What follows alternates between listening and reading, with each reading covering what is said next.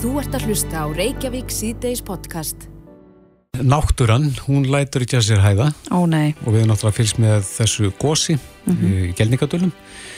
En uh, nú er einhver önnur virkni þarna í gangi á þessu svæði sem að veldur vísindamennum heilabrótum og það segir hérna í fréttina vísi.is að sjáltavirkni við fjalli keili valdi mitt vísindamenn hugarangri Mm. en skjáltarnir raða sér á milli nýsta hluta kvikugangsins við gósið í geldingadölum og keilis og þá heldur land áfram að rýsa í öskju. jáhá, En uh, á línunni er uh, Kristín Jónsdóttir, hópstjóri náttúruvarvöktunar viðstofunar, komdu sæl.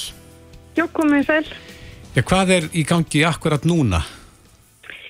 Það er bara uh, skalt að reyna í gangi þarna fyrir sunnan keili, að suðvestan keili og ég er að sjá hérna bara síðustu tíu mínúturnar af virkni og það er einn hérna alveg sæmilegu skalt inn á því tímabili og þeir hafa bara verið að raðast hérna inn skaltarnir og þetta eru uh, 440 skaltar sem að, að sjálfverka neti er, er búið að mæla í, í dag. Hvað Og segja hérna- fræðin okkur að, að sé hugsanlega að fara að gerast? Það er erfitt að spá, hérna, þessi skjáltar eru á mjög svona afmörkuðu dýpi verist vera, þeir eru allir á meira en 5 km dýpi. Og það er auðvitað ekkit óhugsandi að þetta sé kvika, við vitum að þetta er á sama stað og, og norðurendi kvikugangsins um, myndaðist. Og nú er búið að vera ansið langt líi, í rauninni lengsta hérna, góðslíja síðan að 19. mars. Þannig að það er ekkit alveg óhugsandi að kvikan sé að leita í rauninni nýra hérna, leiða til að komast upp á yfirbor þegar hreinlega að því að kvikan leitar alltaf að striðöldustu leið þannig að það sé bara auðveldra fyrir hann að koma, komast upp ekstra annar staðar en akkurat um hérna gýr sem við þekkjum. mm.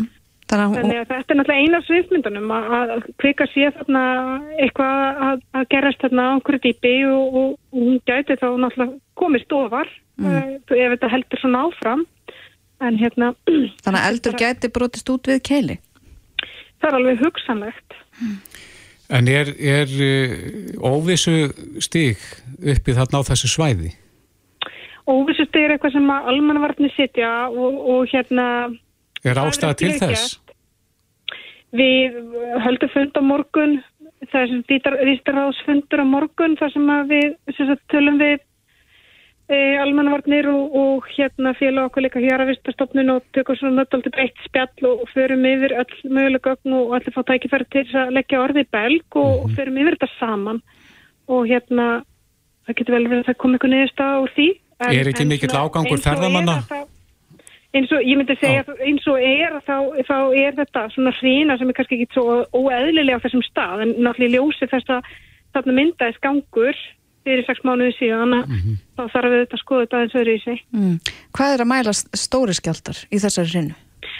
Stærsti skjáltin mældist eh, 500 yfir 11 og 3,5 að stærð en svo er þetta átta skjáltar sem hafa mælst eh, yfir 2,5 og, og margir þeirra hafa fundist eh, á höfuborgarsvæðinu og, og, og, og þarna á, í, í svona nærleikjandi byggð.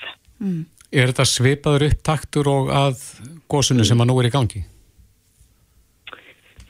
Um, nei, í, í rauninni ekki. Það er náttúrulega, þetta var mjög sérstakur hérna, aðdraðandi að, að gósinu. Uh, þú veist, svakaleg hreina sem gekk yfir í heila þrjá vikur og, og mjög greinileg kviku hérna færsla eða þú veist, þegar þessi gangur myndast Mm.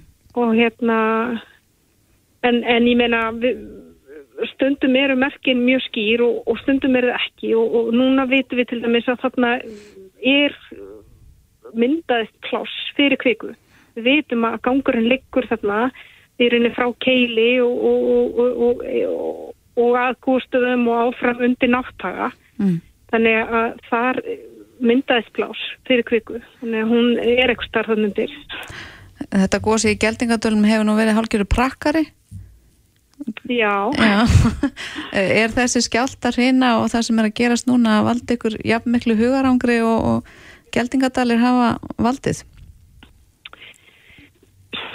Þetta, þetta er auðvitað svona rannsóna vinna að, að fylgjast með þessu og reyna að spá spekulera í framtíðina. En ég myndi nú segja að þetta verður tekist freka vel og við heppin með staðsetningu og svo er náttúrulega algjörlega til fyrirmyndar hvernig viðbröðsæðalar hafa verið að standa sig í, í því að sjáum þetta svæði mm -hmm. þannig að þetta hefur verið held ég mjög mikið hérna frábært tækifæri fyrir almenningu að koma og, og, og skoða og, og turista líka mm. að, hérna, um, og ef að það kemi eitthvað hraun upp þarna að, að þá ég er svo sem engin hérna, bráð hætta af því ef þetta er svona svipum skala eins og þess að koma upp í, í gelbingadölum mm -hmm. við erum að við erum fyrir sunnan keili og það er svona langt í, í alla innviði frá þessu stað. Þannig að eins og staðinu núna eins og því netið þetta þá er fólk ekki hægt að búin sem er að leggja leiðsina upp á góðstöðunum? Ég held að sinu brengin að leggja leiðsina að góðstöðunum núna, það er svo umlegt aðrið sko. Já, einmitt. En þið ætlaði að ræða þetta morgun og farið þá vant að leiði næstu skref? Við gerum það. Já, mm. akkurat. En svo er það askja, landris eh, við ösku, það er já, þar óbreytt ástand eða hvað? Já, það askja heldur áfram að rýsa og, og það hefur verið líka mæla skjálta í, í tengslu við þetta rýs og, og hérna, þú erum í rauninu bara að sjá hérna þessa ösku, eða, já, öskuna í ösku, uh, hún er virk, reynilega, þessa ösku sprungur eru, eru virkar í ösku. Mm. og hérna, þetta er svona pínu fyndið að því að og svo sitja kollegur okkar í jærgustastofnun í, í byggingu sem heitir Aska. Nei mitt. Það er ekki mikið landrist þar Það er ekki mikið landrist þar. Nei, en þetta var pínu ruggland í dag þegar við fengum upplýsingar um að skjáltin hefði fundist í ösku það var bara haf það var sérst í ösku byggingunni Já, akkurat. Já, Kristín Jónsdóttir, við náttúrulega fylgjast vel með þessu. Þetta er eins og við segjum, hún er síkvík þessi náttúra okkar. Já, hún er það. Kæra þakki fyrir... Hérna er, er fólk allan sólarhengin að fylgjast með. Já, gott að vita. Kæra þakkir. Þú ert að hlusta á Reykjavík C-Days podcast.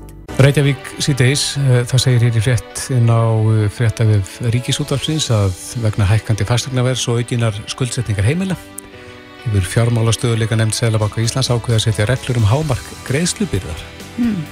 Þannig að greiðslubyrða hlutu all fastegnalána skuli almennt takmarkast við 35% og 40% fyrir fyrstu kaupundur. Það er sér vantilega af hverju þá? Já, ég, þú spyr ranga mannesku. Já, en uh, rétti maðurinn til þess að forutnastum þetta er á línunni. Það er Ástyr Jónsson, sælamakvastjóri, kom til sæl. Ég sæl að blessaður. Já, 35% af, af hverju, af tekjum fólks? Já, já, þannig raunar af hvað sé sko ráðstofn tengið fólksjó. Já, mm. en af hverju teljiði nöðsinn á að setja þetta þakk? Þetta er svona ákveð viðmið og þetta er kannski, um, kannski segið fyrst að, að bankarnir hafa verið raun og verið verið að fylgja þessum viðmum þegar þeir hafa lán út. Mm -hmm. þannig, að, þannig að þetta eru kannski viðmið sem er ekki börlinni til ósænum með það sem er að gera eitthvað á markan. Mm. En það sem við viljum setja þetta bara ákveð viðmið til þess að tryggja það að það er til framtíðarleitið að þá haldi markarinn í jarðsambandi og það verði ekki aftur þannig að, að, að lánvendendur fari að keppast um að lána fólki um, með ekki nægilega mikið fyrirrykju eins og var álindur hrun. Eru teiknoloftu um að það sé í kortónum? Já, það er svona, já, eh, já og nei, það er að segja fastnamarkanum búin að vera hækka. Mm og það sem við sjáum núna er það að eh, það er lítið frambóða fastegnum og fólk er að bjóða í þess eignir. Um, það er að fara á yfirverði. Og við erum að sjá kannski um, aukna þarna þarna örvætingu í því þannig að einhvern veit erum við bara að setja bara ákveðna línur þó að sangetin sé mjög góð og þá getum við náttúrulega haft stæmulöti því í, í hérna förmið sér en þess að ef að, ef að fólk lendir því að vera að bjóða móti hverju öðru í, í svona eigni sko og endar á því að bjóða alltaf mikið og, og, og rauninni koma sjálfum sér í hálfgerðu vandræði sko. Mm, ákveðin svona fyrirhyggja í þessu? Þetta er ákveðin fyrirhyggja en ég vil líka leika ástöðu það sko þetta er ekki bara við erum, við erum þetta, þetta eru er varanlega vinnu, við erum að fara að hafa það á mm. bara eh, til framtíðar og þetta er bara til að tryggja það að, að markarinn haldi jæðarsambandi við séum ekki sjá fastnaverð fara að hækka eh, einhvern típu loftið uh, langt frá tekjum vennilis fólks. Teljið eitthvað koma böndum þá á þessar hækkanir á fastegnaverði eins og, eins og þessar hækkanir hafa verið undarfærið? Ég, ve ja, ég veit það ekki, það sem ég veit að með þessu eru komum vekk fyrir það að hækkun fastegnaverðist leiði til þess að fólk fara að taka ámækla fjárhastlega átt með við sem tekir og, og, og við erum með, sko, svo ég vil bara bæta við, sko, að, að uh, við erum með uh, fyrstu kaupundu fá sérstaklega með fyrir saman þessu. Mm -hmm. Aðeins herri prósentan þar, 40%? Já, í 40% þannig við viljum tryggja það. Sko þetta er ekkit endilega að koma verðið tekið og tólk heldur tekið átt og þetta er raunin bara þörst á móti, þetta er eitthvað eitthvað leitið að hindra það að uh, eitthvað fólk, eitthvað sem er með eitthvað eignir eru að kaupa, kaupa mjög stór hús eða eitthvað. Mm -hmm. En getur þetta haft slæm áhrif á þá sem að eru tekju læri? Um, nei, ég til ekki, ég heldur að sko 35-40% tekjum sé bara hansi mikið og það sé bara þú sem tekjul og tók að, að það er í, í ykkur samkjöftum húsnaði neytti þess að í rauninni að, að, að segjum bara að taka helminga af svona rásumtekjum og alltaf verið í, í, í greiðsla á lánum. Það, það er bara eða gengur upp sko. Nei, en hefur það, var það orðið þannig eh, fyrir hrun?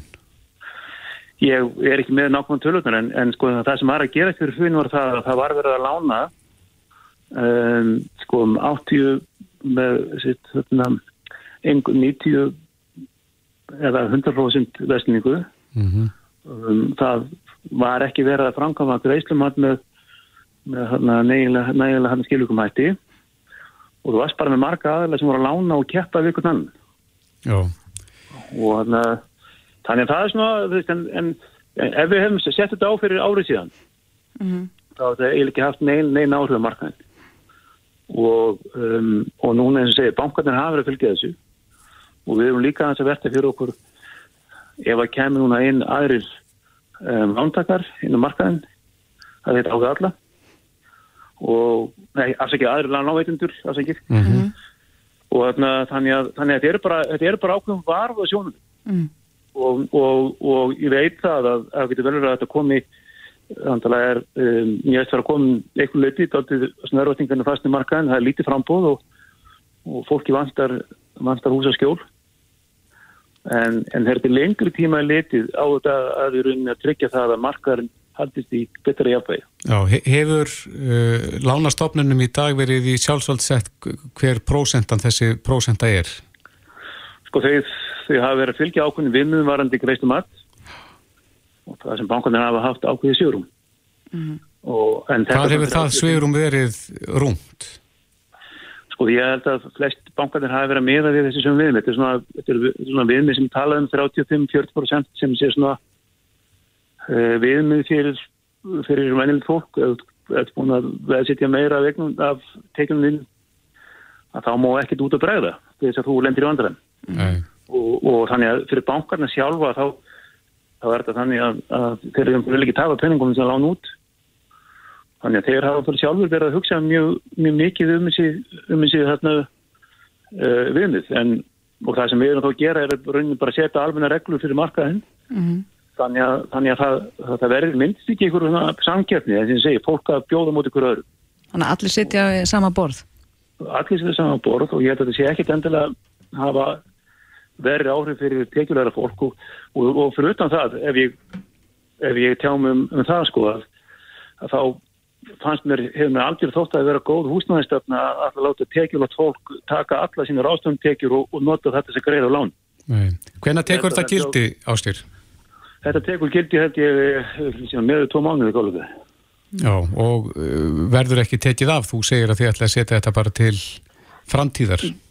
Já, ég held að við, við, við höfum, höfum þetta til, til framtíðar og við, við viljum tryggja það að þessi markaður, hann haldi í jærsambandi, fastna verið standi í, í, í, í tengstu við laun sé ekki fara eitthvað á eitthvað annað sko. Og að, þannig að þessi sko hefur náttúrulega eins og þetta sko þarna þeir sem er á fastumarkan það, það er bara þarna af raunverð fólk og það er að vinna sér fyrir tekjum það er tekjumur það sem er þjónust að láni Mhm. og, og það, þegar húsnæðisbólur eiga sér stað þá fer fastnverð frá, frá þessari skynsemi sko og við, við bara viljum við viljum bara binda markaðin niður við rástæðan tekið fólks og uh, þannig að hann sé ekki fara einn annað Já, Ástýr Jónsson, Sælabankastjóri. Það verður frólægt að sjá hvernig markaðurinn tekur þetta eða þetta er enginn svo sem gríðarlega breyting en, en svona aðeins vera að stjerpa á. Þetta er raunin fyrirbyggjandi aðgerða því að við segi ég þarna um, að því að þarna, núna staðan eins og hún er í dag eh, hvernig verður hann eftir 12 mánu uh, Einmitt. Ertu sem sagt svart síðan á það sem að er í vandum? Nei, ég er eh, mjög mjög bjart sem það er að segja, ég held að við sem að fara alveg upp úr þessar efnaðslæður, ég held að við séum að sjá um, háist framöndan, nýtt, nýtt háist að skeið Mm en, en einu saman tíma erum við að sjá það að frambóð og húsnæði hefur náttúrulega ekki verið að halda í vextböldn og, og það er, hefur þó bara verið að mynda skortur á markan. Já, og þá eins og þú segir að íbúður er að seljast á yfir verði, þannig að það, þar getur bógin Ég- spennst. Já, ég held það, þegar fólk uh, kannski hálfgerði hérna öðratingu er að bjóða í fasteignir og virk, virk, virk, náttúrulega eðlilega séð, það verður allir að hafa takk yfir höfuð, sko. Einmitt. Ástýr Jónsson, Sælabankastjóri, kæra þakki fyrir þetta. Þakka ykkur. Þetta er Reykjavík C-Days podcast. Reykjavík síðdeis, er ekki síðasti dagurinn í dag til að nýta ferðargjöfinu? Er það ekki á morgun? Er það á morgun? Ég held það. Ég held að það séu mánamót. Ég var á leiðin eftir þátt að, að nýta hana, ég held að það væri í dag, en þetta er á morgun sem sagt. Ætlar að fara að fá þau pulsu? Jafnvel, Já. ég ekki, ég var, ég var ekki búin að ákveða. það. Nei, ok, ok, ok. Þannig að þú ert ekki búin að nýta hana? Nei, en Nei. þetta er sem sagt á morgun þannig að fólk hefur þá uh, rétt um rúma sólring til þess að, að nýta gjöfina. Mm Já, það er alls konar möguleikar í bóði, heyri maður, einum ímsu auðlýsingum. Einmitt, Elías Bjarni Gíslason er fórstuðum að gæða á þróunarsviðs hjá ferðamálastofu, komdu sæl. komið í sælblössu. Já, hvað stendur mikið út af? Hvað eiga margir eftir að nýta gjöfina? Það eru nýjustu tölur. Já. Já, Og norðvestur? Já, það er ja, norðaustur. já norðaustur núna, já. já, þú ert það akkurir í.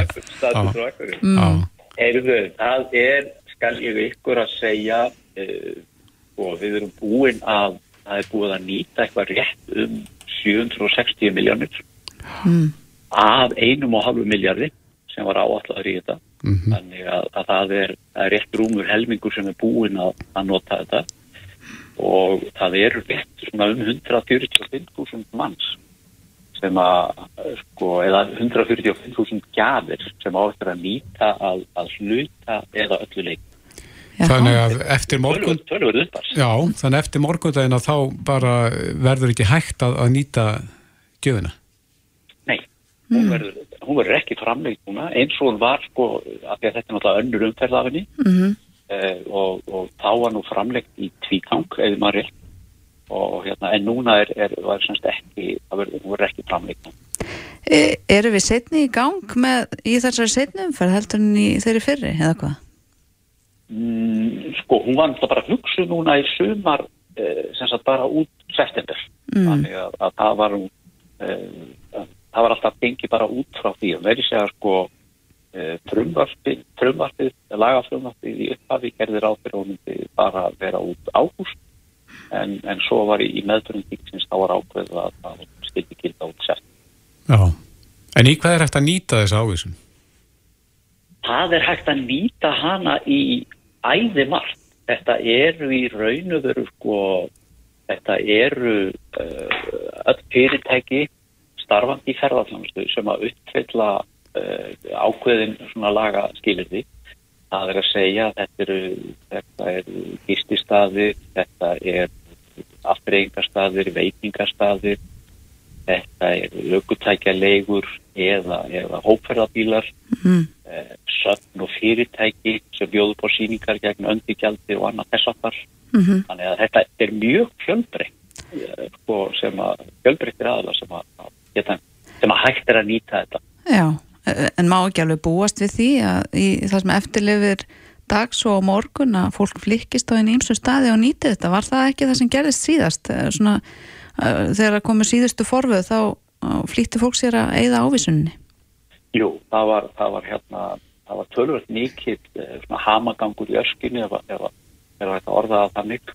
Það var mikið haft samband við okkar, okkur í, í vor, næst í nótmæ þegar þetta var að, að renna út. Mm. Og það var þá uh, bæði eldri einstaklingar og einstaklingar sem að, hérna, hefðu kannski búið erlendis eða eitthvað þess að það er voru samt með lögheimil hér og voru að koma heim og svo framvegis. Þannig að, að hérna, en við áttum satt að segja áttum við því að yrði meira, haft meira samband við okkur núna á þessum síðustu dögum heldur en raunin hefur all. Já, já. Þannig að fólk, fólk virkist eiga auðvöldara með að, að, að, hérna, að nálgast hann núna heldur en, heldur en var. Það þekkja það beint. Einmitt. En eru matsölustæðir helst að, að uh, græða á þessu? Eh, það eru sko veitingastadir eru núna að, að hérna bara á miða við tölunar sem að eftir gærdaginn að þá eru í raun og veru að þeim eh, sko sem er búið að nota þá voru veitingastadir með réttæklega helm Já. þannig að, þannig að og það er tölvöld það er tölvöld mikil breyting frá því sko í fyrra. Vegna þá var það svona réttu 31% eitthvað svo þess Mm þannig að það er tölvöld mikil aukning núna á, á veitingastöðunum. E, gistingin er, er aftur á móti niður hlutfarslega á miða við í, í fyrra. Þannig að, að maður velti því líka fyrir sér sko getur, getur veðrið spilað inn í hvað það verðar Já, fólk er síður á ferðalögum. fólk var síður á ferðalögum í, í sumar eða allavega nýtt í gjöfina kannski meira á sínu nærsvæði heldur en í ferðalögum Mm. Að þú segir veitingastæðir eru þarna helmingurinn en uh, hver, hvernig skiptir síðan hinn helmingurinn?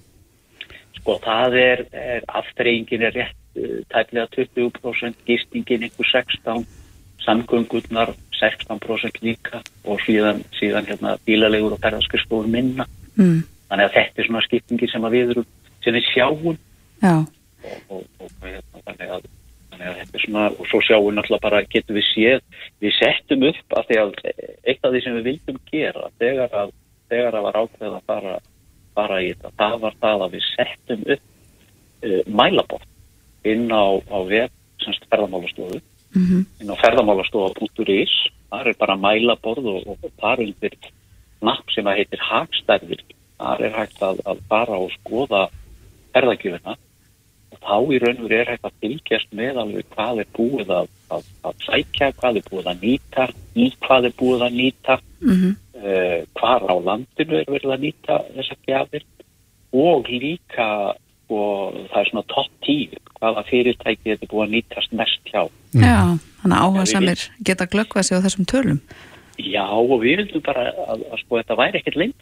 Einmitt. að, að, að bara fólk gæti fylgst með það vegna þess að þetta er nú einu sem við þetta eru okkar skatteiningar okkar Mm. mm. skatti sem er, að, sem er að fara í þetta þetta var jú sett upp til þess að örfa ferðalög hjá Íslandingum innanland þetta var náttúrulega þessi ákvörðun um, um hérna ferðagjöfuna hún var náttúrulega tekin í, í upphafi COVID. Einmitt. sem sagt fyrir, fyrir hvað tæpu einu og hálfu eða ja, rétt rúmi einu og hálfu ári síðan. Mm Þannig að þetta var En ég veldi einu fyrir mér út að núna heyrir maður auðlýsingar frá ýmsum fyrirtækjum, til dæmis Æslandir, Hotels, uh, þar getur maður nýtt ferðagjöfina og fengið þar innegn uh, í fjögur ár eða eitthvað slíkt og þúsund krónum bætt ofan á og fleiri fyrirtækjur að bjóða manni að innleysa ferðagjöfina í skiptum fyrir gjafabref sem gildir þá í einhver ár. Uh, þannig að fyrirtækin geta þá innleyst þessa gjöf inn í, inn í sitt tekjustreimi bara hvena sem er frá ríkinu eða hvernig virkar það? Nei, þá virkar það þannig í raun og veru að, að eh, um leið og viðskiptin eiga sér stað, þá innleysist gjöfin frá rík. Mm, Þannig að það er ekki hægt að innleysa gjöfina uh, eftir, eftir morgundaginn, en þá í raun og veru bara eh, sko, eru fyrirtækin að selja sko. Og sem, hefur þá lengri bara gildistím. Einmitt. Og sum uh, fyrirtæki bjóða upp á það að, að drýja þennan pening, þannig að 5.000 krónur verða 9.000 krónur og svo framvegis. Nákvæmlega, nákvæmlega. Og sem er náttúrulega bara, sem er náttúrulega bara hitt besta mál. Og við í raun og veru kvöttum fyrirtæki og þegar við vorum að, að reyna að, að hver örfa hérna ferðarþjónustuna í fyrra sérstaklega, þá vorum við að hvetja fyrirtæki einmitt að búa til alls konar tilbúð og pakka fyrir, fyrir hérna viðskiptæðin. Þannig að þetta er bara eitt hluti af því. Já, það verður hefnast, en það verður frólægt að sjá uh, hversu mikið stíla sér síðan, það er nú heilmikið eftirsegir og, og tímafresturinn rennur út annað kvöld, er það ekki bara 12 á minnati? 12 á minnati. Já. Já, svo koma nýjustu tölur og loka tölur úr Norrlandi eistra þá á, á þetta fyrsta. Já, líst vel á það. Elías Bjarni Gíslason, fórstuðum að gæða á þróunarsviðs hjá ferðamálastofun. Takk fyrir þetta. Ég sumleðið takk. Reykjavík síðdeis á Bilginni podcast. Áfram örkum við í Reykjavík síðdeis hér á miðugdegi. Einmitt. E, Félag íslenskara bifriðeiganda er ekki sátt við hvernig sjóvá e, tryggingafélagið hyggst ráðstafa 2,5 miljardi Nei, og krefjast þess að e, viðskiptavinni félagsins fái hluta í það mesta hluta af þessum peningum. mm og þetta eru háar fjárhæðir. Einmitt. E, Rúnólur Rólásson er formaður FIB, kom til sæl. Er framkvæmtastjóri, allavega inn að segja. Framkvæmdastjóri, já, rétt. E, Þið viljið að viðskiptavinnir félagsins njóti? Já, sko, að viðskiptavinni sjóár, að þeir, þeir eiga okkar mæti tilkall til þessara fjármuna en það er það rauninni oftekin yfirkjöld. Og hvernig fáið þið það út? Við höfum verið að benda á það að valdringafjörlegin hafa öll reyndar verið að sapna brúkt í sjóði og langt umfram það skuldathól sem að þau þurfa að uppfylla samkvæmt lögum. Og það fælst í því að, að, að líka að við hefum séð að það hafi verið mjög hagfæld ytri, hagfældar ytri aðstæður á markaði e, slísum hefur sem betur verið fækkað e, og sérstaklega alvarlega slísum síðan hefur líka umferð reyð saman og þetta er hlutað hluta þessum á reykja til COVID ástandsins mm -hmm. þannig að til að mynda fjöldi ferðamanna hefur dreyist mjög mikið saman síðast eitt og halvt ár á vegunlandsins e, þessu við hefum ekki séð að þetta sé að koma fram í yðgjöldum til neytenda. Aftur móti hafa yðgjöld hækka umtalsvægt umfram verðlagstróun á sama tíma. Og við hefum séð það að svo kallað er bótasjóður eins og þetta í eina tíð og en hann kallað átryggingarskuld hefur vaksið mjög ört og meðalans sem má sjá í þessu útspili frá sjóvá þar sem þeir ætla á aðalfund að leggja til þess að, að, að, að það veri greitt til viðbóta við 2,65 miljardar sem þeir eru búið greiða í arða á árinu veri greittir úr 2,5 miljardur til hluthafa vegna þess eins og þessi að geta þeirra sér fyrir ofan efri mörg viðmiða vegna greiðslu tjóna og þá séu til ykkur, hérna, ykkur, séu til ykkur varasjóður á 2,5 miljard sem er hægt að greiða þá hlutuðum út aukalega sem arð Hvert, hvert er hlut? Þessi peningar eru pengnir með því að rukka viðskiptavinna mm -hmm. og það erum að ræða lögbundin yfirkjöld af okkur tækjatryggingum þannig að það er með sjálf segir í ákvæðum lagana það með ekki leggja óelli yfirkjöld á neytendur og þarna er rauninni að vera að sína fram á það sem við hefum verið að benda á það er raunns sannindi að það er svo miklu, fél, miklu fjármunni inn í félaginu þess að við ekki sjó á að það er að borga ofan á 2,65 miljardar í arð 2,5 miljard í viðbót á þess ári. Hvað hefur þessi fjárhæð sapnast upp á löngun tíma? Það hafa verið mjög degrar argæstur út úr þessum félögum síðustu árin og við munum á umræðinu sem var 2016 mm -hmm. þegar öll félögum fór ég að greiða mjög uh, stórar uppæður úr sínum sjóðum að því að þá var uppgjörsreglum breytt í samræmi við Európa-tilskipun og það er í svo kallar Solvency 2 viðmiðanir varðandi e, baktryggingar félagana til þess að mæta fjárháslegum skuldbindingum Mm -hmm. Og eftir sem áður hafa þessir bótasjóðir eða baktryggingarskuldin, hún hefur vaksið jaft og þétt. Þannig að fjárhásleg stað þeirra er mun betri og þau, eru mun sterkar í dag en þau voru hann 2016 og uh, þau hafa verið að borga sínum hlutum mjög uh, ágætan ard og ég ger nú ekki, ekki, ekki en, en, en, við teljum eðlilegt að fyrirtæki séu vel reygin og geti borga sínum hlutum ard en það er munur á arði og síðan einhverjum ofurarði Mm. Þetta er vísbendingum ofurarð og þetta er vísbendingum það að þessi markað, þetta fákjæmnismarkaður og félöginamarkað, þessi fjögur sem eru fyrir, þau verðist vera sátt við það að geta svona nánast mjölka sína kuna óella og uh, við bendum líka það að við fórum nú í viðamekla úttækta á yðgjöldum ökkutækjatinga e, snemma á þessu ári og, og bárum saman yðgjöld á Íslandi og í, á hinnum Norðurlöndunum mm -hmm. og lægstu viðmiðunni voru þannig að íslenskir neytendur voru að borga hel, 50% herra yðgjöld heldur en neytendur í hinnum höfuborgu Norðurlanduna. En, en er þá ekkert eftirlit með þessu hér á landi? Það á að heita eftirlit á vegum fjármála eftirlitsins Eh, það verður svona einhvern veginn ekki sinna þessu varandi yfirkjöld til neytenda en fyrst og fremst að tryggja verður hafa fyrst og fremst áhuga því að tryggja þessi til nægir fjármjölinu sjóðun til að mæta óvæntum eða miklum tjónátgjöldum en e, og við hefum enda sendt ítrakað erendi til fjármálæftiltins og leita skýringa á því hverju þessi ekki gripið inn í með einhverjum hætti en eh, ekki haft erindi sem er við þannig að ég vona nú að það sé vona viðbröðan þaðan fljóðlega mm. En raunverulega nú er fólk að leita sér tilbúð og, og svona þegar að fólk gerir það þá virðist vera bara samtjefna á þessu markað en þú vilt meina það sé ekki samtjefni? Samtjefnin er alls ekki næg og þetta er, þetta er svona klassísku fákjefnismarkaður og við sjáum líka þá umræðu sem var hérna fyrir í mánuðinum þegar við vorum að gera aðtóðsendur við ummæli hérna framkvæmdastjóra fjör, eh, samtakaða fjármálafyrirtækja þar sem að uh, hún sem framkvæmdastjóri tókaði sér að verja yðgjöld vatringafélagana fjögura sem eiga nú að heita að vera í samkjöfni mm -hmm.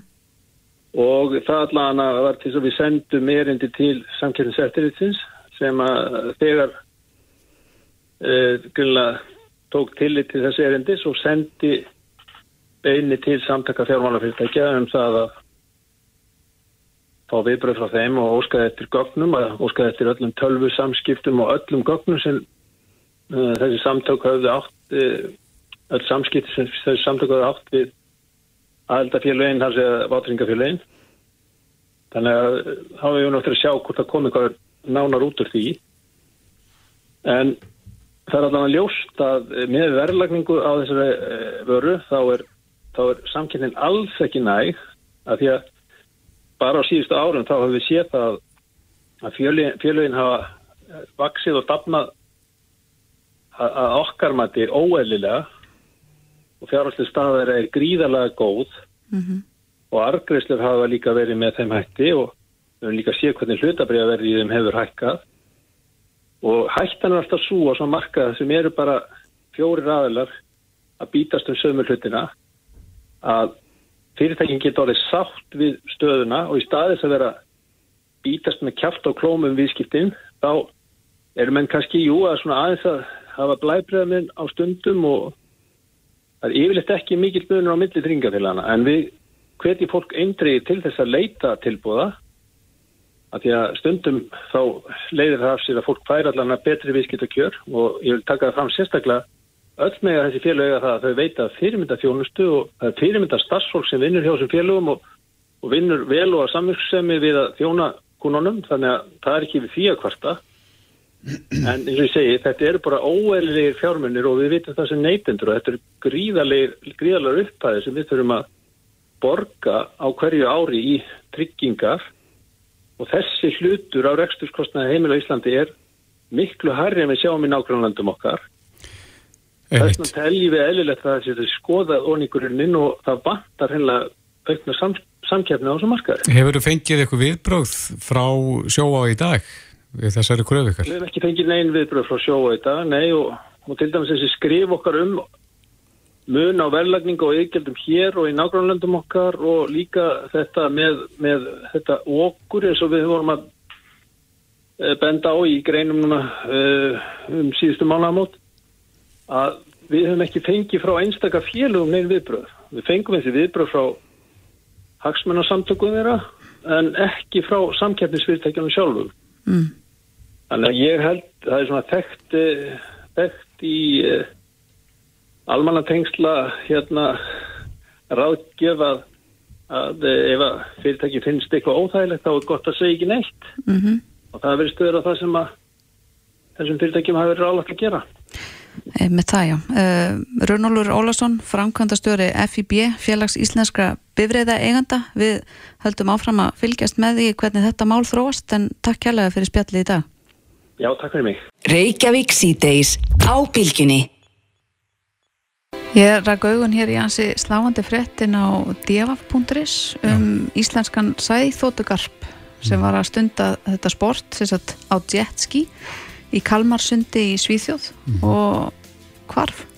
Og ekkert hefur spurst til hans síðan síðasta lögadag. Nei, og uh, fréttum að þá hefur ofinberi leit verið hætt að sinni í það minnsta.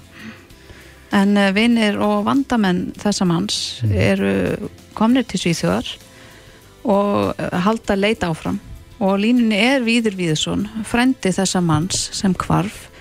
Góðan daginn Víður. Sælir þið? Þú- Þið voruð við leit í dag, ekki satt? Jú, við byrjum snemma í morgun og, og þrættum hérna fyrir þennan hérna hinn með við slýstæðin sem er alveg svolítið, frá og hérna voru bara að vera þá ábyrndingar frá vunum önnum að hérna, að ef að, já, ef að maður myndi fara þarna var samkvæmt ströymunum í sjónum og gæti verið að myndi fljóta þanga sko. Hvað voru þið mörg að leita í dag? Við hefum ekki verið í kringum 15 manns Já, sko bát, ég er alveg með nákvæmum til það og voru fjörur þá gengnar eða? Uh, já, það var eitthvað gengið í dag og, og hérna, en aðalega við fengum bátlána nema og svo erum við búin að vera á þreymur jetskjum og svo vorum við með drónarleit líka. En hvað segja ofinberi aðilar? Þeir, þeir hafa hætt leit? Já, þetta er rosalega miskoður upplýsingar sem að þær hérna og, og þegar þetta skefur á lögadaginn þá, þá kemur sem þess strax leit í gang og þá setja skefur eitthvað á þrjú á lögadaginn og þá kemur leit svo fær þá þau bara upplýsingar um að leit sé hægt til því sjö að það kom myrkur. Og svo þá þau raun að vera ekkit einhver meiri skilabóð nema á sunnudeginu þá kemur einhver hjálparsamtök og tekur smá leit yfir daginn og svo fá þau bara ekkert meiri upplýsingar og, og hérna, þá hafa þau samband við, við Missing People svíþjóð sem þau fundur bara sjálf á netinu Er það þá einhver, sjálfbóðlega samtök eða eitthvað slíkt? Já, Mm. já. Og, og þeir sett upp höfustöðarina og hafa verið að kalla eftir sjálfbúðlum og það er rosalega takmarka mætt í það. Eru, eru svíjar ekki með svona ígildi björgunasveita eins og við Íslendingar? Ég virðist, virðist ekki vera eða sko, allan að ég er nú ekki með þess að upplýsingar alveg 100% hreinu en það virðist vera rosalega erfitt að ná í þá og, og hérna og svo líka að, að það var, var alltaf að býða eftir einhverju leiði frá lauruglunni og, og þeir fengu það ekki Mm. og þannig að þetta var svona voðalega skrítin skrítin álgun allan og svona með það sem maður er vanur heima. Mm. maður er einhvern veginn upplýðið það ef einhver týnist heima þá, þá fara líka við hálf þjóðinni að leita að því en, og það er svolítið ástæðan fyrir að ég kom inn út. Við vorum þeirri vinir hans þennan, þessa einstaklings og, og hérna ég sem frendast þeir eru sambandum og spurði hvort þetta ekki bara fara út og hjálpa fjölskyldinni og við hérna ákveðum að gera það bara og þegar maður kemur hérna á staðin þá áttum maður svolítið á því hversu skrítið og alveg þetta er sko En er eitthvað að vita hvað gerðist? Eh, ekki 100% en, en, staðin svo hann er búin að vera að leika sér þetta bara í fjörinni með börnarnir sinum allan daginn sko, og kemur í land með börnin tekur af sér vesti og ætlar að fara að ganga frá skíðinu og væntalega tekur eitt ringi við bort mm. hann, hann fer aftur út og þetta gerist, ekki, þetta gerist bara 200 metra frá frá hérna landi og, og þegar hann fer út þá er veitlega sem sér hann detta af skýðinu Mm. og svo bara sett ekki meira til. Þannig að hann er í blöytbúningi ef ég hef tekið rétt eftir í fréttum en, en ekki með björguna vesti á sér. Nei, tekur það af sér bara að því hann ætlaði bara að ganga frá skýðinu sko. Já. Búin að vera með og ég þekki hann einstaklega mjög vel og hann er mjög passasamur á því að vera með veitna, björgunarvesti og fleira sko. Þannig að þetta kemur, þetta kemur hann mjög óvart. Mm. Er þið með einhverja í liði með ykkur í leitinni sem að þekka þetta svæði vel? Ekki nógu vel. Við erum ekki með óbúrslega margir búin að bjóða fram sína hjálp og, og ég er búin að vera í sambandi við björgunarsveitamenn heima sem er að að skoða sjóströmmin og fleira. Mm. og hérna og við erum bara svona verið að leitast eftir upplýsingum og svo sett ég að staða þarna söpnum í gær bara eins og þegar ég, ég kom, við komum inn út, við varum þrý sem komum inn út og við göllum okkur upp og, og hérna, það kostiði helling. Svo vantar okkur bara fleiri þú veist, okkur vantaði betri dróna og okkur vantaði fleira það er opbúslega mikið að styrkjum búin að koma og, og hérna og ég veit að drónslæg ætlar að lána okkur uh, kafaradróna og verður sendt með fólki sem kemur hérna að hjálpa okkur á fyrstu daginn En þeir sem er að hlusta Þannig að- núna, hvar geta þeir nálgast upplýsingar um reikningsnúmer og, og kennitölu á þessari söfnun? Herri, ég setti þetta bara á Facebooki mitt en svo er ég var búin að að byrsta þetta veit ég Mm svo er ég ekki búin að skoða fleiri fréttir og ég bara var að koma inn á sjónum sko þannig að Mhm. þannig að allan, um DFF er þetta Mhm. Hvernig verður framhaldi síðan hjá ykkur? uh, framhaldi er bara að halda áfram við ætlum að, að, að, að halda áfram leit við setjum svona niður í kvöld og ákveðum bara og plönum daginn á morgun hvað er við ætlum að leita á fleira og svo bara að gefa okkur besta sko. Mm Hver, hvernig eru svona veðuraðstæður þarna til leitar? það var ekki góðar í dag. Það var fint í gær. Og hérna svona ligni, eh, í sjónum og þannig að það var bara flott í gær. En í dag var rosa mikið rók og, og hérna öldugangur. Þannig að þetta var mjög erfiðar aðstæður í dag og fórum hann að hinum en það eru svona allt í litlum eigum og mikið af grinningum og það var erfitt að komast Mm. þannig að þess að það svæði sem hún var leiti í dag væri mjög spennandi að taka með drónum sko. Mm þannig að Já, við vonum, já, við, við sendum ykkur okkar hlýjustu kveðir og vonum svo innilega að þetta gangi vel hjá okkur þessi leit og þið finnið ykkar félaga og frænda. Já, takk hérlega fyrir það En uh, áhuga sem er geta sérst kíkt inn á df.is á, fre uh, á frétt um þessa leit og á Facebook sínu hjá þér, Víður Víðursson. Uh, takk kærlega fyrir að taka þið tíma til þess að spjalla við okkur. Takk hérlega fyrir Sendum hlýjar kveður. Já, takk fyrir það Reykjavík síðdeis á Bilginni podcast. Jæja, Reykjavík síðdeis. Eh, Við heyrðum af veitingahúsaeganda sem að ákvað svona fyrir rælinni að kíkja inn á Credit Info síðuna, Mm uh, síðu þá fyrirtækisins inn á mitt svæði og rak þar upp stór augu þegar hann sá fyrirtæki sitt sem að hefur nú staðið stílum, ekkert vesen að bak við fyrirtækið, en það var komin rauð veira, rauðu stimpill við nafn fyrirtækisins. Já, mjög mikil óvissa Já. vegna COVID-19 Já. og þá veltan fyrir sér hvort að þetta myndi ekki hafa hræðilegar afleðingar varandi lánshæfismat. Já, og svona hann geti kannski minna hreift sig með þennan stimpil á sér og uh, við ákváðum að leita svara við þessu, akkur er verið að flokka fyrirtæki með þessum hætti. Gunnar Gunnarsson, fórstuðum að greiningar og ráðgjafar hjá Credit Info er komið til okkar, velkomin. Takk. Já, það er kannski stílanlegt að fólki bregði þegar það sér mynda veiru við nafn fyrirtækisins. Já, það má nú kannski deila um það hvernig framsetningin á að vera á þessu að, hérna, en hugmyndafræðin bak við, hjá- við þetta hjá okkur var að uh, þegar að COVID skall á á sínum tíma að þá vildum við hjálpa fyrirtækjum sem eru að stunda viðskipti við önnu fyrirtæki að svona átta sig á stöðu annara fyrirtækja. Og Þannig að við fórum að flokkuðum öll fyrirtæki landsins í fimm flokka, 1-5, eftir því svona hvernig okkur list á að COVID, óvissuna sem að kæmi upp í rekstri þessara fyrirtækja út af COVID. Mhm.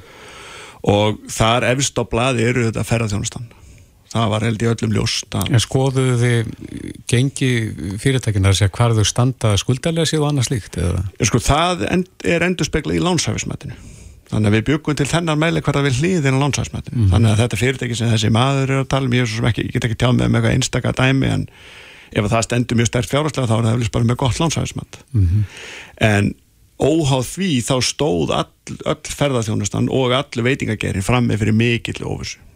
Er það ennþá í dag? það er minna í dag. Það er hérna, eða vonandi. En eru, eru sem sagt þau fyrirtæki sem að fengu þennan stimpil á sig hjá ykkur, eru þau ennþá með þennan Nei, við erum sem sagt búin að taka þetta úr loftinu núna og ástæðan fyrir því er einfallega svo að núna eru komna nýja rekstratöl fyrir árið 2020 Mhm. sem sagt fyrir COVID árið. Þannig núna ættu aðrir fyrirtæki eigendur geta hérna, mynda sér bara sjálfstæða skoðan á því hvernig fyrirtækin komu undan, komu undan vetri. Og Þannig, en þannig að rauða veiran er farin núna? Rauðaverin er farin núna. Hvernig en gerðist það? það er nú bara mjög nýlega. Og uh, það er sem sagt núna uh, akkurat í byrjun oktober þá eru uh, hérna uh, sem sagt, síðustu ásreikningar að berast þannig að fyrirtæki er að skila núna mm sagt, ás uppgjöri fyrir En feng, er það að fá símtöl frá fólki sem eru óanægt með að vera með svona hangandi yfir sér? Nei, við hefum ekki fengið það.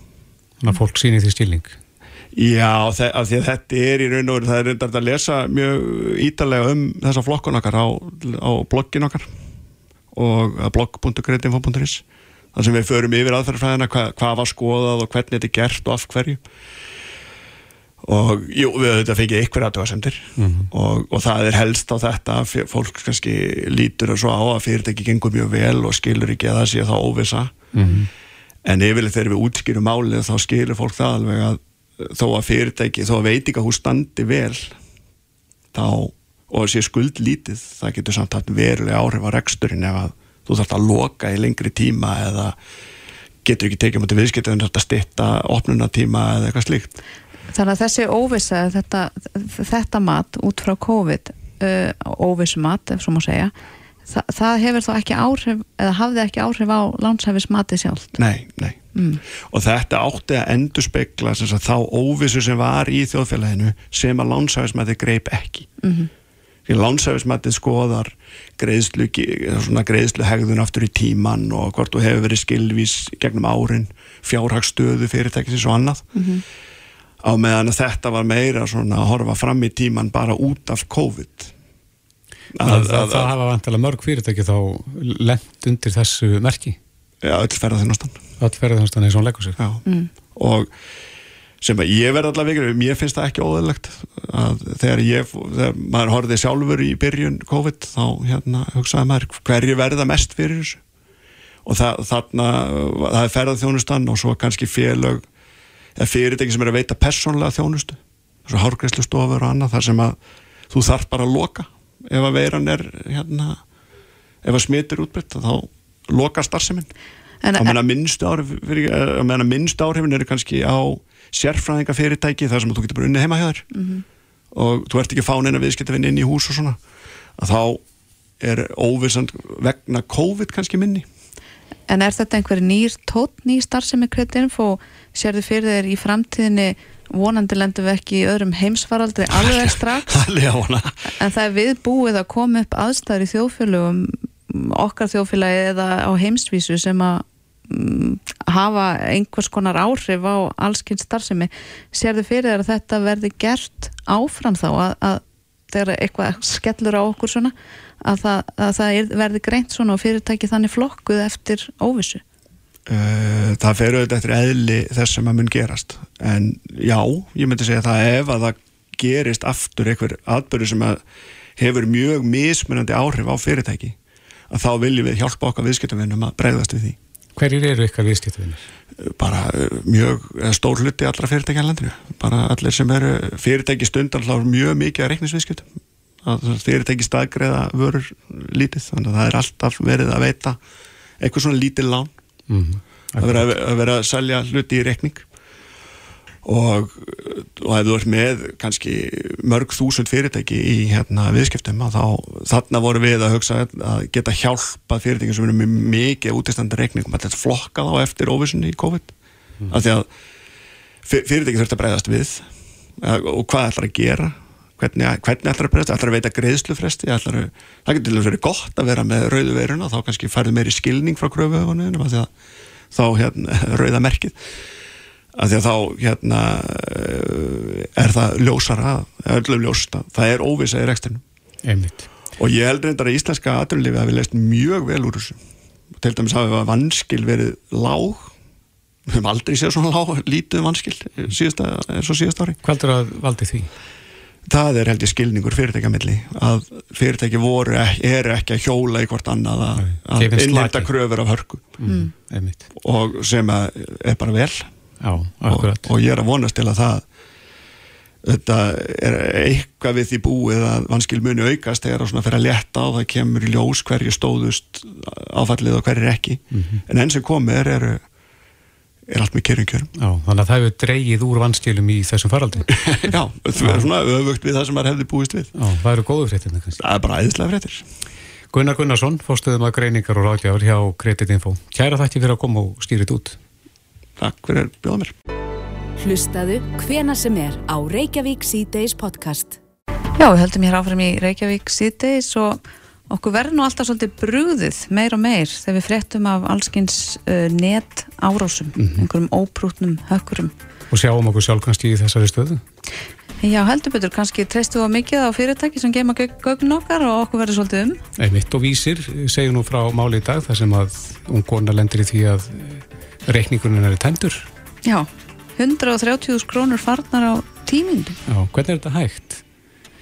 Það er góð spurning. En e, til þess að ræða eins tölvu öryggi, e, þá er hann komin til okkar, hann e, Theodor Ragnar Gíslason, tæknistjóri Sindis, hóndu sæl. Sæl, sæl. Þetta, þess að fréttir svona, finnst manni farast í vöxt. Já. Heyri meira af þessu. Er, er, er þessum tilfellum að fjölga?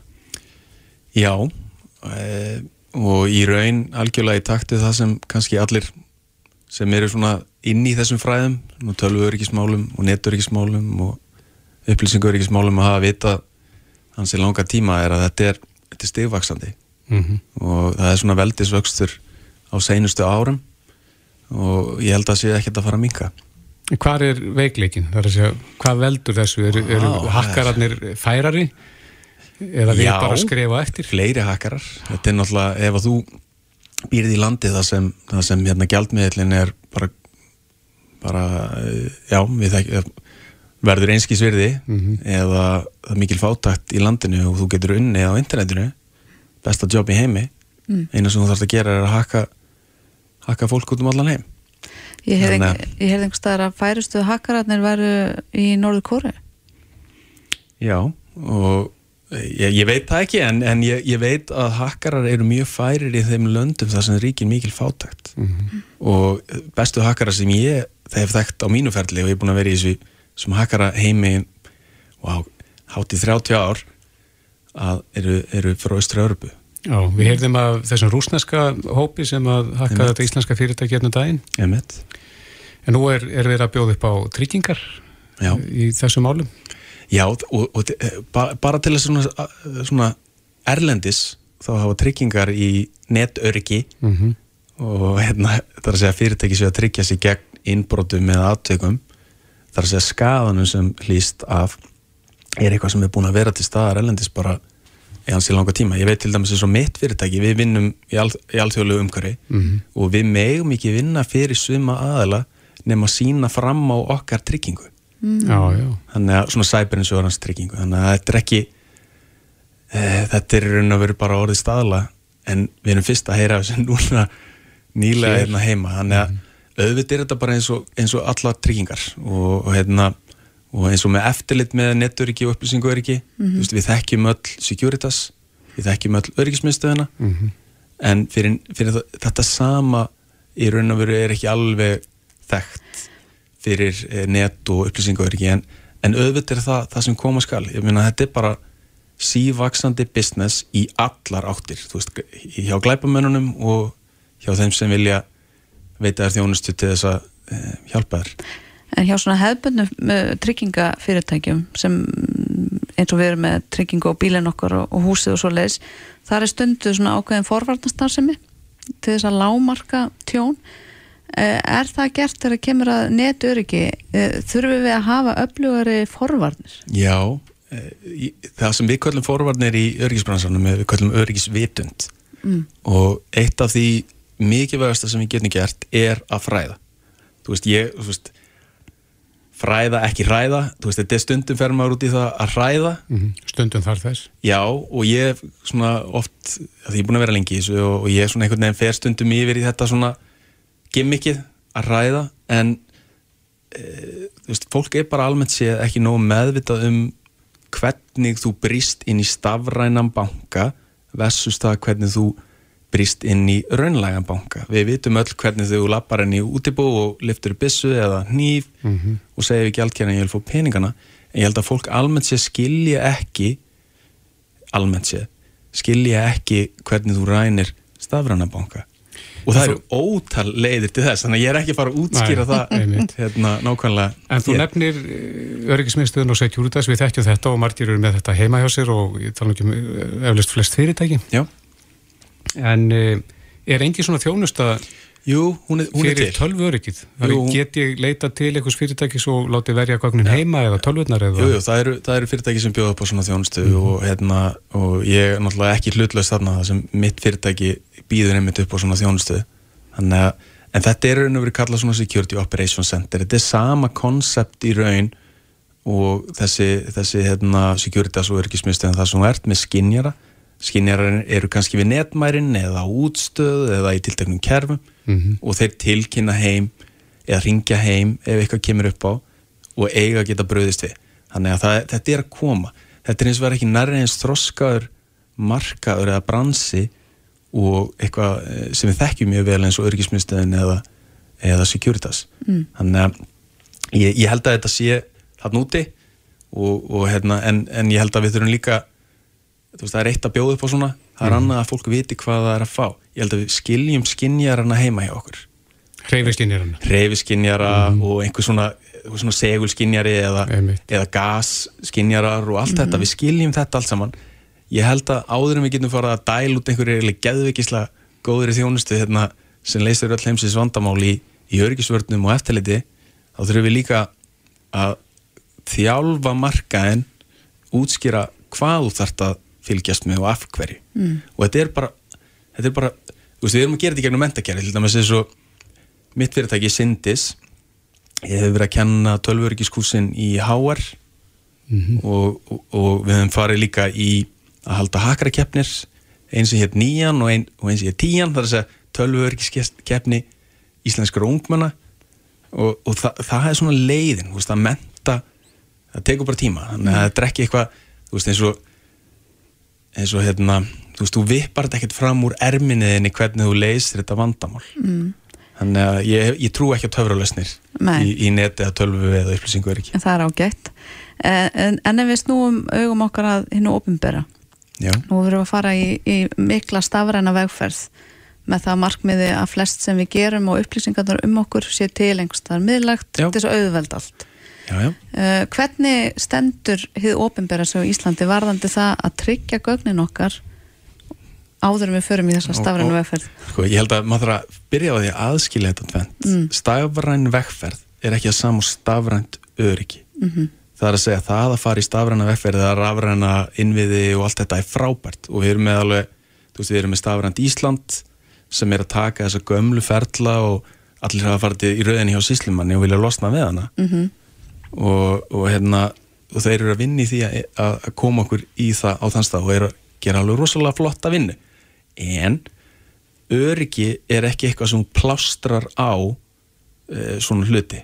Þannig að þetta er svona þetta er, þetta er, þú veist, þetta er þetta er eitthvað sem þarf að vinna saman. Þú veist, Mm. það er að segja að þessi stafræna veffer og stafrænt öryggi og, og að fólk sé meðvitað um hætturnar. Því að augljóslega, e, þú veist allir sem hafa þinglist einhverju vita að það er hérna frekar leðilegt ferli Mhm. og það er leðilegt að gera mistök en ef þú getur gert það stafrænt þannig að, að mistökin eru, eru hérna lámörkuð og þú veist, tíminn, þú getur gert það heima hér þá er það náttúrulega óbærslega það er frábært, það er æðislegt en það þarf að vera það, þá þannig að, að það er ekki, við erum ekki búið til einhverja, einhverjar öryggisættur því að allt sem við setjum á interneti er aðgengilegt fyrir alla á interneti mm. Rétt aðeins í lokin að þið veru nýkomin á kostningum Já. og uh, náttúrulega hefur vætið aðtekli þetta þessi meðferð gagna í norðöstu kjördæmi Já. og menn ekki á eitt sáttur en það hvernig öryggi gagnana hefur verið tryggt þar Eh, er komið tíma að fara að skoða að kjósa rafrænt og er það, er það, er það hægt? Já, ég held að hérna, auðvitað er, þú veist, hérna, ef þú ert að leita fullkomnu öryggi, þar sem það er ekki hægt að hafa áhrif á eitthvað. Hakka sig inn. Já, þá er það ekki, það ástand er ekki til. Nei. Ég held ekki að þessi, þessi mýta í stafrænu öryggi um eitthvað sé óbrjótanlegt er, það er bara ekki til og þetta, þetta orð í lögum oft nota örugt það er ekki teknimennir horfa ekki á þetta út frá svona einföldum hérna, e, skoðunum en það er eins og er að búa til miklu örugari leið heldur en eitthvað sem er háð aðferðum sem einhver einstaklingur ákveður að honum hugnist. Mm. og það er margt í þessu raunlæga hvernig við kjósum í dag með pappir og annað sem, sem er, er ekki fullkomið. Það er ekki örugt, ég held að enginn myndi segja það. Mm -hmm. þannig að ég er ekki aðdókera sérstaklega fyrir að rafræðni eða stafrænum kostningum en auðvitað er það hægt og auðvitað er hægt að gera það þannig að það sé nokkuð örugt Er það því skoðan við um að skoða? Já, alveg 100% og, og ég, ég, ég líka svo finnst þér, ef ég segi að eitthvað það sem er nokkuð örugt í svona stafrænu öryggi skilningi þýðir að sá sem allar að ráðast á það þarf að hafa ævintrilega mikið fyrir því að brjóta mm -hmm. þannig að e, kostnaðurinn við að brjóta eitthvað það skiptir líka máli mm. það, það, það, það eldast við eitthvað, eitthvað hugssjónum, eitthvað sem er fullkonlega örugt er bara hugssjón sem þú mynd aldrei ná ná fram í, í mínum huga mm. Framtíðin e, er, á, á, er björnt eða hvað en vantar okkur ekki fleiri, fleiri einstaklinga sem eru net öryggisfróðir á Íslandi? Jú, og það er bara alveg frábært að, frá, að segja, geta satt frá því að hérna, eins og í HR núna, þessi neturyggiskúsin það eru held í 70 mann skráður í kúsin sem byrjar í hérna e, þetta er 6 einingakúrs sem byrjar e, lók november næstkomandi, það eru þrýr starfsmenn frá okkur sem ætla að kenna. En svo við, vorum við líka að tala við HÍ að, að taka kursin þar. Og ég veit á seinustöðun það var Amerikani að kenna hann eh, professor frá MIT og það voru hundra manns skráðið áfangan þannig að þessi, þú veist, þetta áhugin er hann er að koma upp úr græsrót svona úr frá, frá eh, krökkum og nemum og allt þetta, þannig að þetta er að koma. Þetta, þetta verður eitt verðmættast að starfsfólkið í framtíðinni þetta er, mjög örfitt að finna hæft starfsfólki í þetta í dag, ég get sagt það. Þannig að, mm. er, þannig að já auðvitað náttúrulega er þetta hlýtur þetta að vera hagur samfélagsins að við fáum fólk sem getur hjálpað okkur að auka öryggi samfélagsins, stafræntu öryggi samfélagsins. Já, við, við vonum þá núna að við fáum kannski nokkur að pása að við fáum fréttir af næstu net árás en uh, Theodor Ragnar Gíslason teknistöru hjá Sindist, takk hjálpa fyrir komina Takk Þetta er Reykjavík C-Days podcast Jæja, Reykjavík síðdeis, uh, haustið uh, hefur mitt á sig að voru allöldu veturinn. Það getur ekki bara sleið í föstu að sumarið sé nú formlega búið. Hoppum yfir haustið bara. Já, við bara hendum út einni ástíð. Einmitt, en uh, það byrtist grein inn á vísi.is í dag, það sem er verið að vinna sumarhúsægundur á, hvernig best er að ganga frá sumarhúsunum. Já. Það skiptir máli. Það skiptir máli, vissulega og í, í mörg hortna líta. En uh, það er hún Hrefna Sigjónsdóttir verkefnastjóri forvarna hjá Sjóvó sem skrifar þennan ágæta pistil sem hefur verið ansi vel lesin í dag. Og Hrefna er á línunni. Góðan blessaðan daginn. Já, góðan dag. Þetta er mest lesið. Hvað er, fólk, er þetta svona það sem fólk er að hugsa núna? Hvernig óskupunum ámar að ganga frá þessu öllu með svona stuttum fyrirvara Já, mikið ég er nú glöð að heyra þetta sem við lesið, það er nú tilgangurinn. En uh, þetta er auðvitað, það búið að vera stríð okkur veðrið og rekur hver viðvörunin aðra. Mm -hmm. Þannig þetta, það er kannski ítir svolítið við fólki að huga af eignunum sínum. Já, hvað er best að hafa og mest umvert að hafa í huga svona þegar maður hugar að þessu? Já, sko, það er alltaf mikilvægt að skilja vel við sumarhús og, og aðra íverustæði bara til að koma í veg fyrir tjón. Já. En algengustu tjónin í sumarhúsum eru vegna vass og í kjálfar innbrota Mm og tjón vegna vassleika þau eru líka dýrust. Mm. Er það þá heita vatni eða kalda vatni sem að, Það er heita vatni sem er nú verra en það verða líka oft mikla skemmtir að því það líður oft þó nokkuð tími þar til lekin uppgötast. mm. en hvernig verða þessi tjón? Þess að hvað gerist? Eh, eins og við, um vetratíman eh, þá geta komið svona kuldakablar og lagnirnar geta sprungið í frostið og það getur leitt af sér mikið tjón og óþægindi og við mælum alltaf með að loka fyrir inntak heita og kalda vatsins þegar bústæðurinn er yfirgefin Mm. Eh, það er bara gott öryggisatri að venja sig á þetta og þá líka verður þetta bara rútína. Mm og við mælum við að tappa vasslögnum og salerni en ef það er ekki hægt þá má líka setja frostlög í vasslása og salerni. Svo eru nú margir dag sem hafa bara reynilega komið fyrir svona rofa eða loka sem uh, hægt er að bara loka fyrir með einu handtæki Mm. og það tryggir þá að, að hérna það sé búið að loka fyrir vatni En þú segir eh, að setja frostlug í vastlás á salerni, er þessi, er þessi hús ekki upphituð?